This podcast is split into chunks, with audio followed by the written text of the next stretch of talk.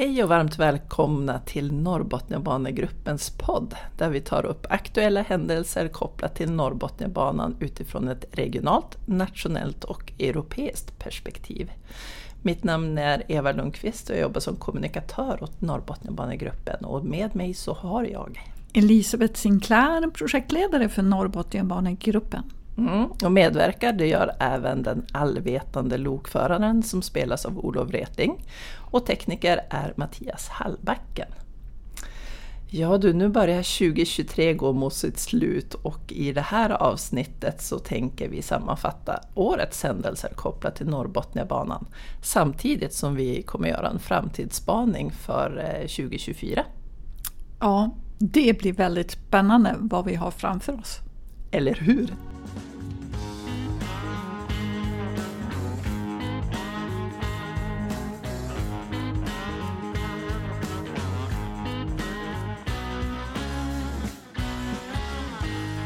Vet du vad Elisabeth? Det är faktiskt sjätte gången som vi sammanfattar ett sånt här Norrbotniabanan-år. Men, men är inte det här typiskt när vi jobbar med infrastrukturprojekt? Tiden bara rusar iväg men vi rör oss framåt, eller projektet som en dinosaurie, liksom långsamt.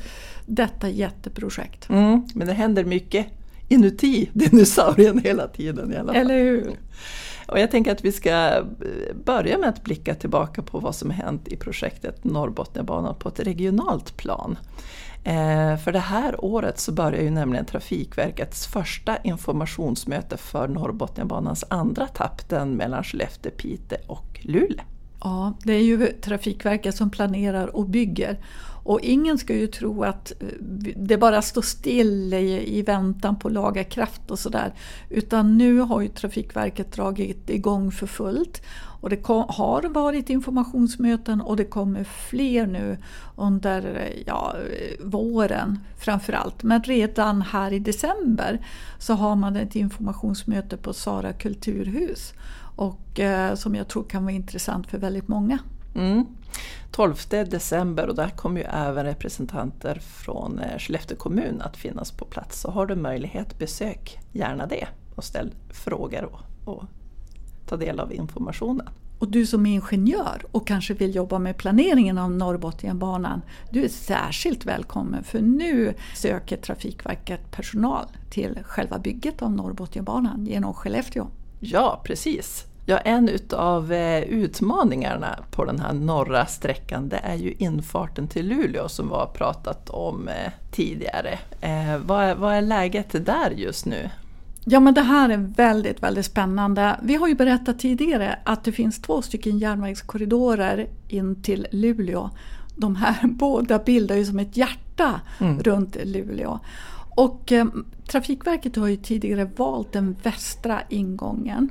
Och det är ju för att en bro i det östra eh, läget det ställer till problem för sjöfarten. Men man har ju behållit, både Trafikverket och Luleå kommun har behållit båda järnvägskorridorerna för att se om det går att hitta en lösning för sjöfarten. Och det Trafikverket har gjort nu och håller på med nu det är att se att skulle vi kunna klara sjöfarten som ibland behöver komma in till Gråskällfjärden och, och fartygsvända på, på vintern. Om man skulle kunna lösa det här med en lyftbro i det östra läget. Och eh, vi får väl se om det kommer ett beslut här runt årsskiftet. Hur man tänker runt omkring det. Jag har hört att det här östra alternativet ger en större regional utveckling. Kan du utveckla det? ja, precis. Det handlar ju om att Haparanda och Kalix når sin regionala flygplatsen i ett östligt alternativ. Så att, eh, så att det är ju stora fördelar då med en genomgångslösning. Så att eh, det är ju till exempel någonting som man har eftersträvat och har på Botniabanan. Mm. Och på tal om Botniabanan så fick vi ju ett jättetrevligt besked i början av året att Norrtåg har slagit resanderekord. Ja, det här var ju då första kvartalet i år som man har slagit alla tidigare rekord, alltså även före pandemin. Och eh, det här gällde ju det första kvartalet då. Eh, och sen så har det ju fortsatt eh, ja, nästan på samma linje. Det har varit lite upp och ner för det har både varit utmaningar med väder och banarbeten. Men vad jag förstår på totalen så ligger man väl nästan eh, 2 över prognosen. Så att det är ju väldigt, väldigt positivt. Verkligen. Ja du, när vi är inne på eh, utveckling eh, så lanserade vi ju Talk som ska ha fokus just på samhällsutvecklingen längs eh, Norrbotniabanans stråk. Ja, och där har vi ju låtit eh, Norrbotniabanegruppens ordförande Lorenz Burman intervjua kommunalråden längs stråket. Och just för att peka på de här samhällsutvecklingarna som sker i och med realiseringen av Norrbotniabanan. Och nu senast så intervjuade vi ju Kata Nilsson i, i Piteå som berättade om den arkitekttävling som pågår eh, och som man hoppas ska kunna ge nya idéer och inslag till hur bland annat området nere vid Södra hamnen ska kunna utvecklas. Mm. Och det här har vi ju nämnt eh, tidigare i ett poddavsnitt att det har varit mycket arkitekttävlingar eh, kopplat till Norrbotniabanan under det här året. Ja, det är riktigt, riktigt spännande för man kan ju verkligen känna att man eh, måste få hjälp med att titta utanför boxen.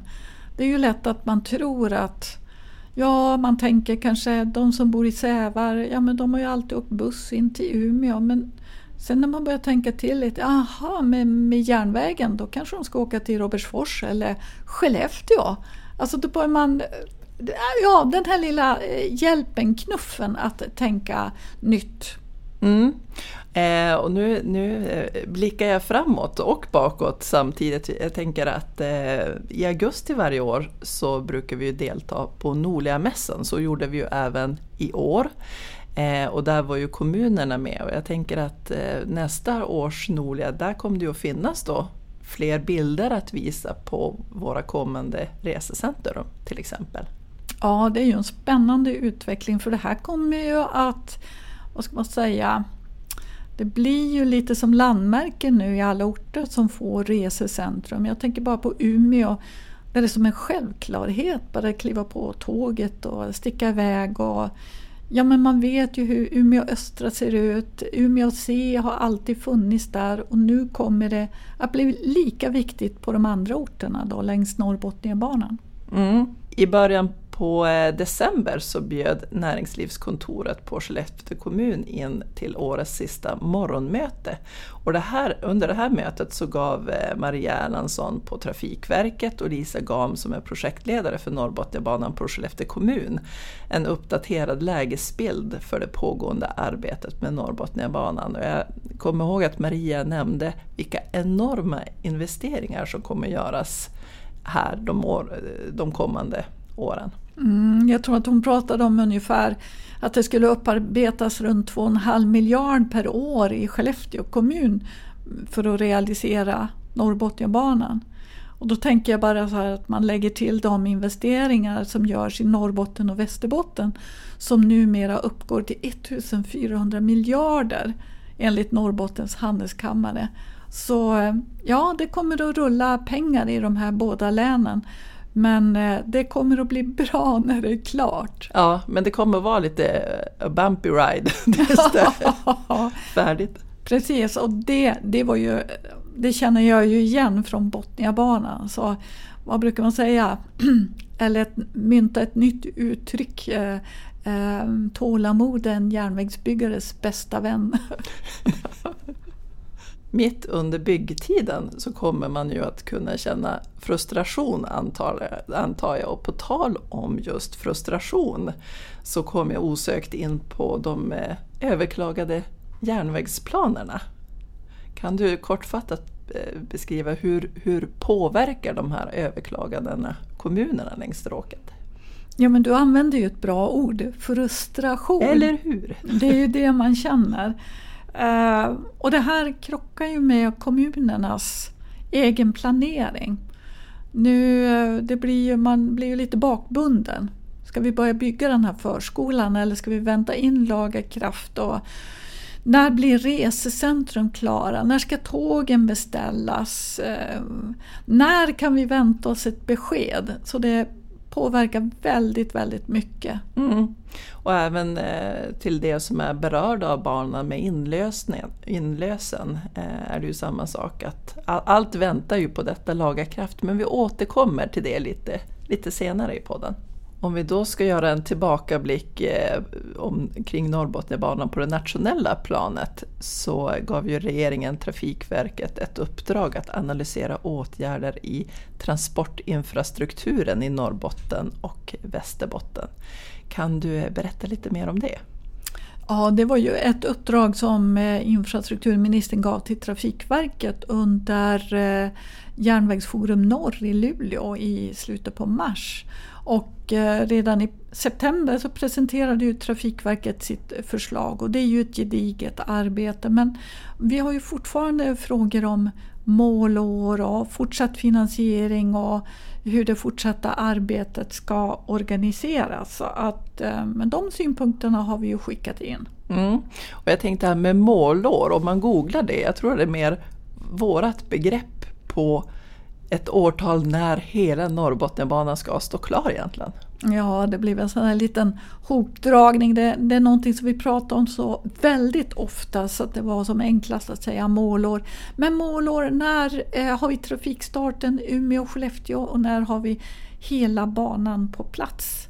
Så att egentligen eh, skulle jag väl vilja säga att målåret för hela banan blir riktigt viktigt. Nu sa ju Trafikverket att man vill tidigare lägga trafikstarten och det är bra.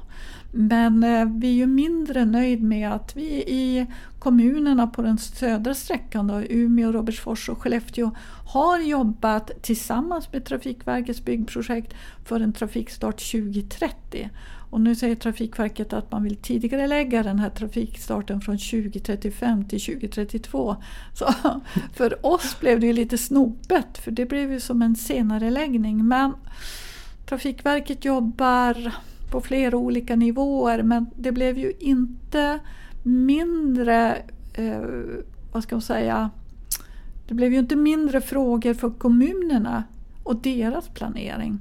Så att, mm, men det, är no det här är någonting som vi pratar om så att vi hoppas att vi ska hitta en framkomlig lösning på det hela. Mm. Jag tänker lite grann som vi, som vi brukar prata om i, i den här podden, Norrbotniabanan ur ett regionalt, nationellt och europeiskt perspektiv. Och precis som du nämnde där så var ju ja, men, projektgrupperna jobbar för trafikstart 2030 Umeå-Skellefteå. Det nationella säger en sak och enligt det europeiska målåret så är det 2030 för hela banan så det blir ju lätt förvirrat de här tre olika perspektiven på det hela. Ja, och vi kommer väl tillbaks till det här med 2030 mm. och EU så det kommer lite senare. Men jag ska säga att regeringen håller ju på också, som de kallar det, att de bereder nu Trafikverkets rapport. Så det ska bli lite spännande att se vad de säger då, vad de tycker om Trafikverkets rapport ja till tidigare läggning, det är vi ju alla för. Men eh, vi hoppas ju också att de ska öppna för lånefinansiering av resterande finansieringen. Elisabeth och Eva, här är det julhälsningar och rim på gång. Det första kortet går till vår infrastrukturminister. Fint ska det vara! Till infrastrukturministern. På allas önskelista i denna timma är ett fastställt år när hela banan är i drift. Ty övrig planering måste med banan rimma och då kan vi inte ha ett målår på vift. Med vänliga hälsningar, du vet vem. Men här, mina vänner, kommer julaftonens eh, stora rebusgåta som jag tänkte pyssla på ett julkort. Jag har lagt fram lite grejer här. Vem är avsändare av detta vackra meddelande? Det är det man ska lösa. Jag tänker att infrastrukturministern lätt kan få tråkigt när han inte får jobba med landets järnvägar på julaftonen. Så en liten rebus på ett julkort kan säkert muntra upp så får han sitta och gissa. Vem kan det här vara ifrån? Ja, vem kan det vara? Vem kan det vara? Nu ska vi se. Jag får offra min gamla kompass här, för jag behöver kompassnålen. Jag får spara den norra blå pilen och få bryta av den. Gud, så hemskt. Men vad gör man inte för ett julkort med rebus på? Så, och så tar jag den lilla blå pilen och så tar jag tejprullen här och liksom tejpar fast den på kortet. Då har vi första ordet klart. Norr. Sen så kommer bokstäverna bot, bot, bot. Det borde väl fungera med sån här värktablett, va? Alltså bot mot tillfällig huvudvärk. Jag tar och vänta, jag ska öppna locket här bara. Så. Och så tar vi lite mer tejp. Men sen blir det lite mer krångligt här. Man kan få tankarna att leda till en nia? eller inte. Ja. det blir ju perfekt! En ritar en nia. Och sist ut av allt en banan. Men, en banan! Ja, en banan! Det stavas ju lika. Jag spikar fast en banan. Här, här är bananen. Och så. Då ska vi se här. Summa summarum. Med vänliga hälsningar Norrbot 9 barnen. Men jag tror jag spikat fast julkortet i vardagsrumsbordet. Ja, jag får dra upp det med hovtången här bara. Så, så nu. Och så får jag lägga det på lådan.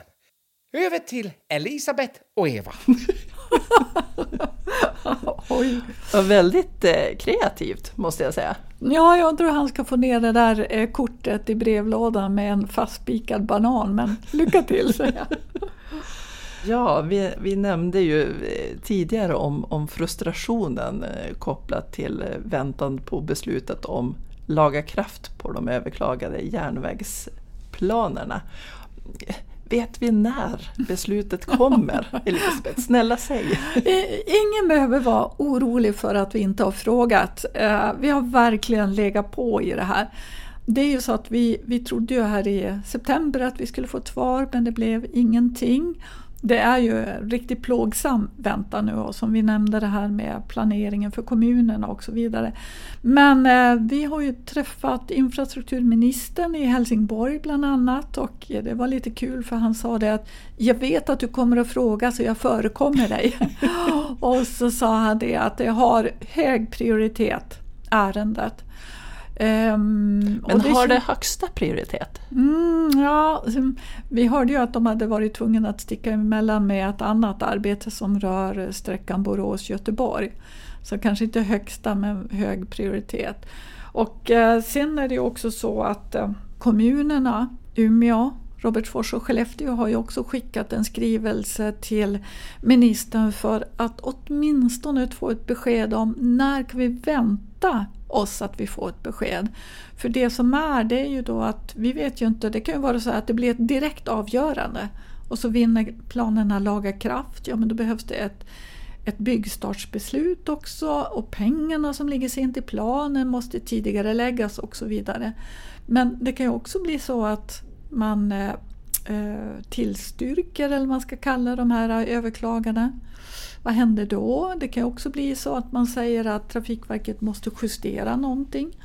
För, för det är ju så att ett överklagande, om jag överklagar en meter på banan så innebär det också att eh, då går man igenom hela planen.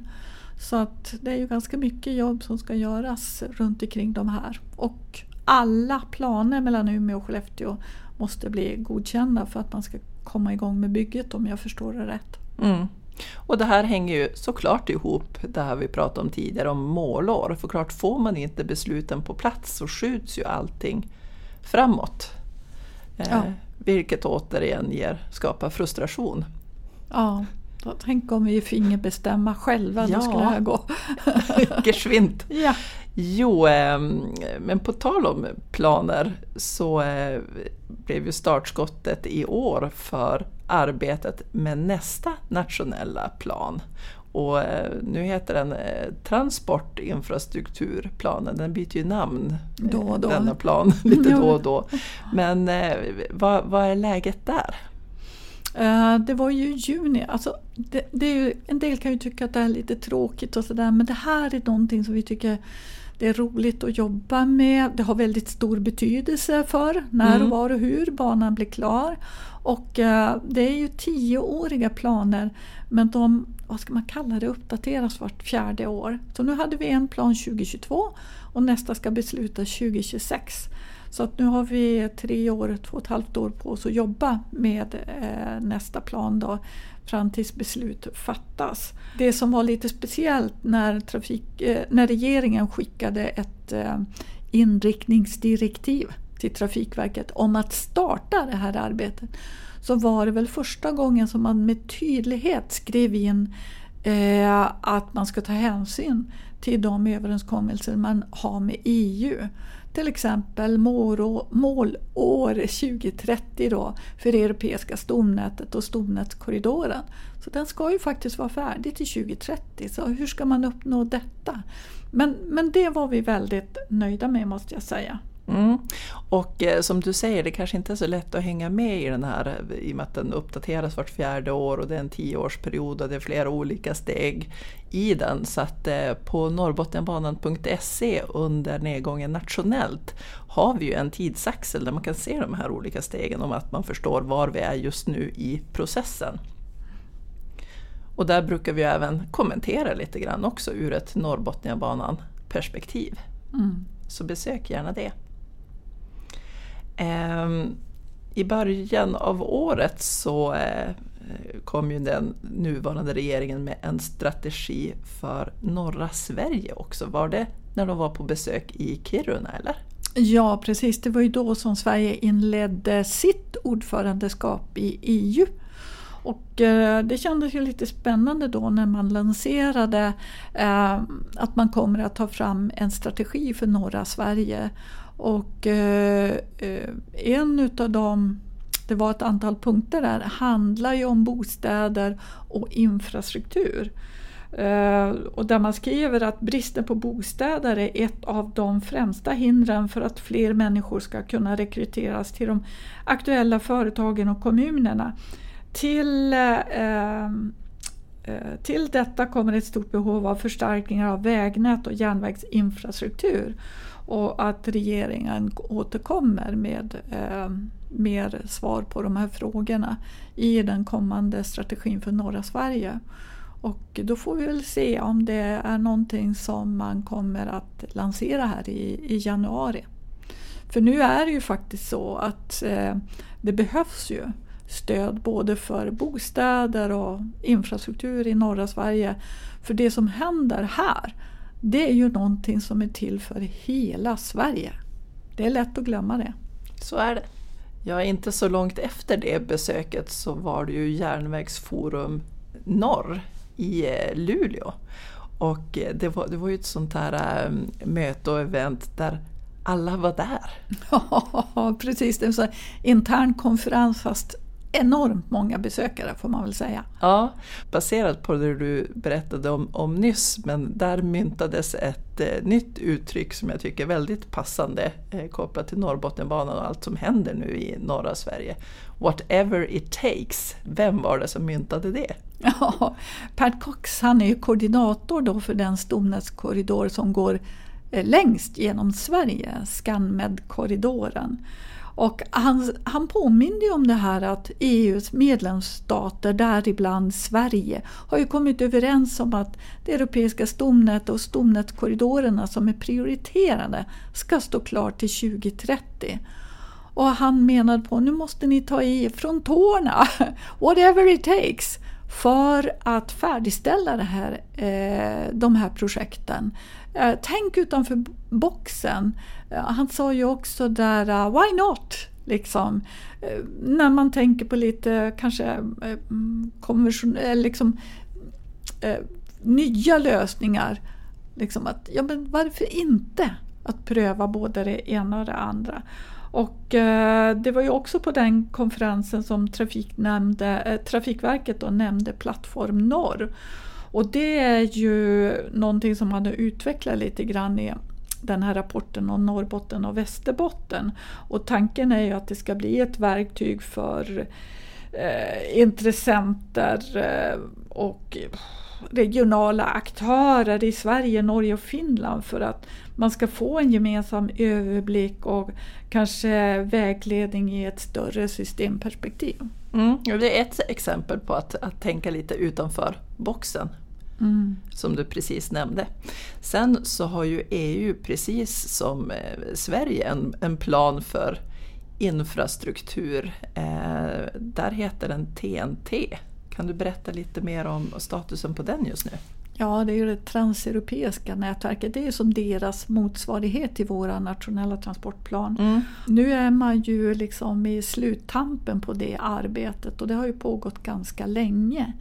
Och här har man ju lyft in, eh, det har ju skett en utveckling alltså från Långt tillbaka så var det ju först bara några streck i Europa. Sen bestämde man sig för att dra ihop huvudstäderna. Och sen så bestämde man sig för att på ett bättre sätt då dra ihop länderna och att inte de här eh, stomnätskorridorerna ska sluta vid gränserna. För det är precis där som de här eh, problemen uppstår. Utan Scanmed-korridoren går ju till Haparanda, Uleåborg och på finska sidan kommer Nordsjön, Östersjön och går till Torneå och Luleå. Just för att vi ska komma förbi de här gränserna som alltid ställer till en massa bekymmer. Men nu är man ganska eh, nära med detta. Man har lagt in nya noder för persontrafiken, terminaler och hamnar. Och vi har ju ett jättebra stöd från North Sweden som har hjälpt till och gjort inspel så att vi har fått in eh, orter och terminaler eh, och hamnar då längs vårat stråk. Mm. Och eh, vi får väl se hur det hela landar så småningom. Mm. Och med North Sweden så menar du North Sweden European Office? Ja, precis. Förkortat North ja, Sweden. Precis. Svårt att säga snabbt. Våra, våra kompisgäng i Bryssel. Ja, precis. Oh, oj! Elisabeth och Eva, så mycket julkul! Stjärnor och glitter och paket. Så fint. Det här blir ett kort till finansministern. Hur på det här rimmet? en julhälsning med en önskan om en god jul. Men säg, vore det inte himla kul om vi gjorde som Trafikverket föreslår och låna från Riksgälden till nya spår? För i norr väntar stora investeringar på sin infrastruktur. Klarar vi Norrbotniabanan i närtid till 2030 om vi har tur. den är bra, den är bra. Och här, titta här på kortet. Det blir ju faktiskt en liten yta kvar nedanför julrimmet. Så kan vi inte ha det. Jag tror att jag får klämma in en liten frågesport här. Vad ska vi se här? Mm. Ja, så här. Vilken bana åker du när du passerar dessa städer?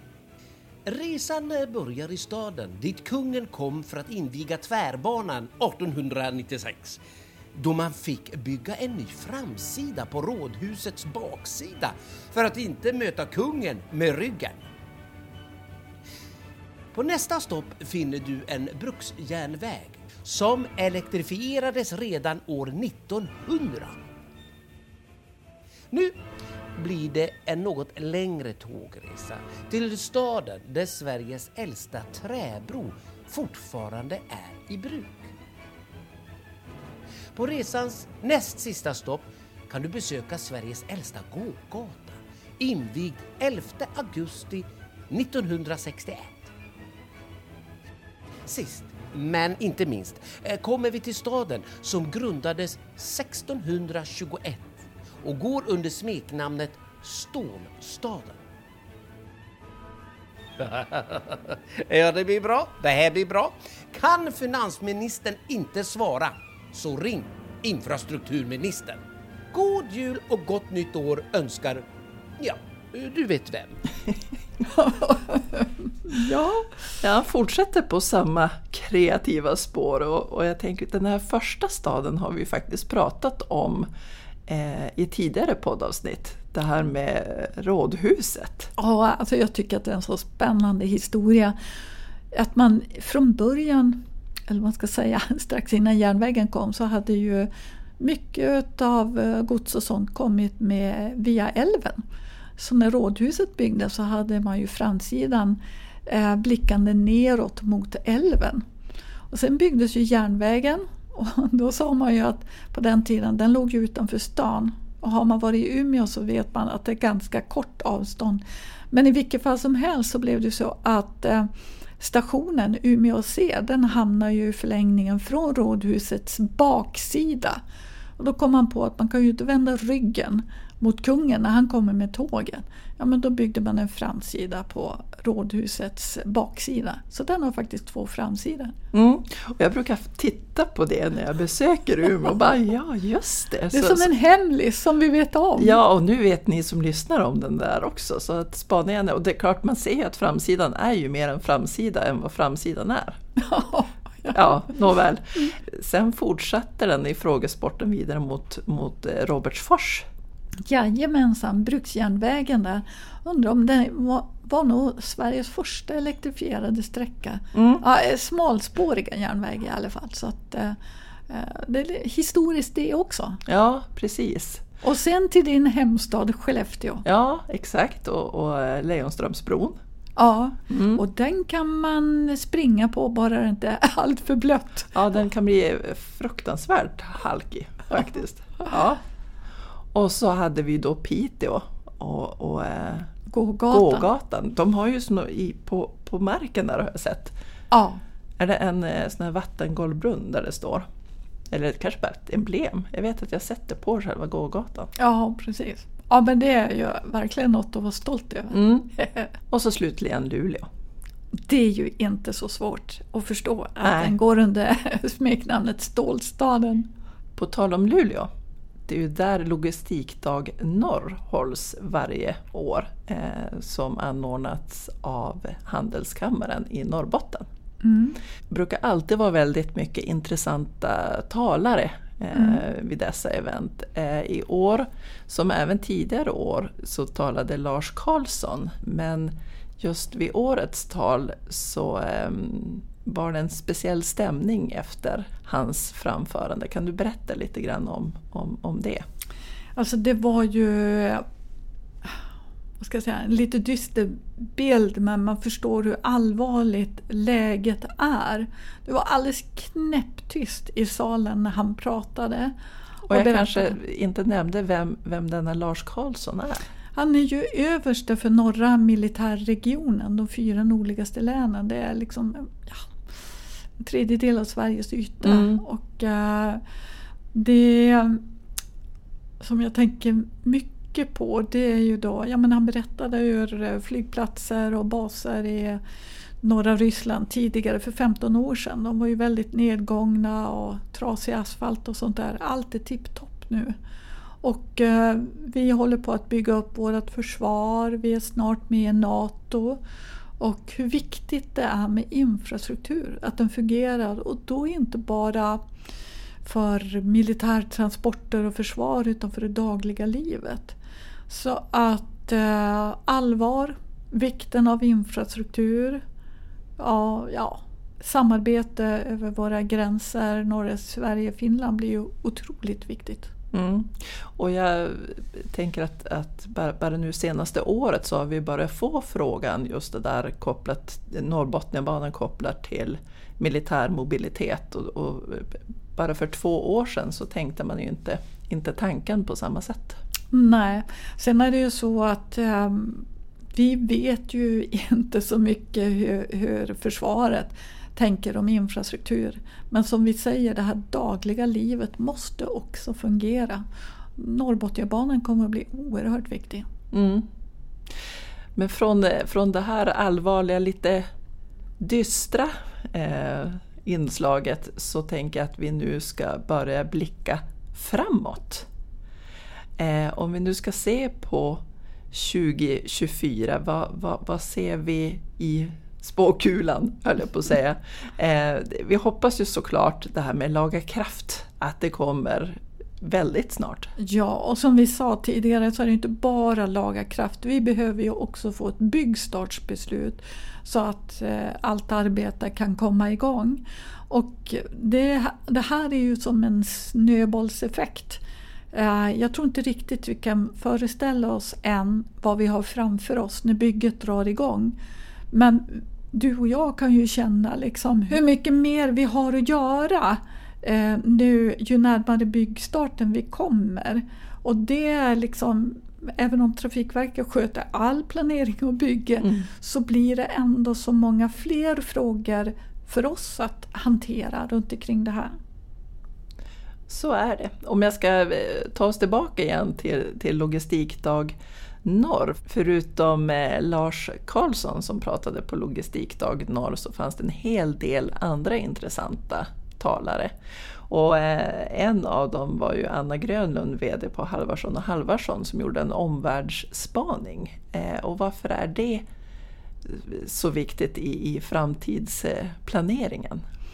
Ja, men alltså vi kan ju säga direkt att det som sägs i media av externa aktörer det påverkar ju vårat jobb och så. Men ibland kan det ju vara liksom lite svårt att se igenom det. Och då kan jag bara ta som exempel här i våras en dag, en fredag tror jag det var, när Eh, MUF riktade kritik mot hybridprojektet i Luleå. Alltså Hybrid, att göra stål utan kol, man använder vätgas istället. Och, och man menade att nej, det här är så oprövad teknik så att den behöver utvärderas innan vi ska satsa pengar på det. Och sen samma dag så var det ju en debattartikel, tror jag det var, i DN och professorer som kritiserade då, jag tror inte de kritiserade det som hände i norr, men man menade att regeringen måste se omställningen som sker i södra Sverige också. Och så tänkte jag, oj, aha, här kom det liksom eh, kritik söderifrån och vi som jobbar på bara för att få allting att funka här uppe i norr. Eh, Sen var det lite kul för på eftermiddagen så kom LKAB och sa att ja, vi har hittat sällsynta jordartsmetaller. Så det var liksom svar på tal, så det kändes väldigt bra. Mm. Men det Anna gjorde, Anna Grönlund då, gjorde på Logistikdag Norr, det var att hon lyfte den kritik eh, som syns i media. Och eh, bland annat riktat då mot hybridprojektet då i Luleå. Och det finns ju till exempel eh, rubriker som säger Hybrid spelar roulette med Sverige. Forskare dömer ut gröna jätteprojekten. Och eh, när man börjar liksom skrapa lite på ytan så ser man ju att det är aktörer från södra Sverige som står bakom det här. Bland annat Skandinaviska policyinstitutet så är det ju företrädare från Helsingborg, Lund och Malmö. Och det känns så jäkla onödigt måste jag säga att eh, ja men alltså kritik ska man ju tåla men här känns det ju liksom som att man eh, vad ska man säga man vill lägga lite krokben för det som, som händer i norr, att man inte tror på det. Och jag har lite svårt att tänka mig att de här stora företagen, ett, att de satsar på någonting som inte skulle vara lönsamt. Två, någonting som inte behöver göras. För Mm. vi är ju inne i en jättestor omställning i hela eh, Sverige. Och det var en intressant del som hon sa just det här att, att vi pratar ju väldigt så mycket i regionen om den gröna omställningen. Men nationellt är det inte så många som vet vad är den gröna omställningen. För oss känns det som självklart. Ja, vi är mitt inne i det. Exakt. Och det kanske är för att vi har de här stora, de här stora företagen. Men det, det finns ju också moteld från de som eh, Eh, förstår att det här är nödvändigt det som sker. Och en utav dem som Anna lyfte fram det var ju Svante Axelsson som är samordnare för eh, Fossilfritt Sverige som som sa att eh, det värsta vi kan göra nu då, det är att förhålla sig passiv. För det är det mest riskabla och det största slöseriet med skattepengar som sker just nu. Och då kan man ju tänka så här att ja, men vad har det här med vårat jobb att göra? Men det är ju så, om man inte tror på omställningen i norra Sverige, då kanske man inte tror på befolkningsutvecklingen i norra Sverige. Och vad ska vi då ha Norrbotniabanan till? Mm. Du och jag vet ju att, att Norrbotniabanan behövs ändå. På det sättet så kan man se liksom hur vi påverkas av omvärlden.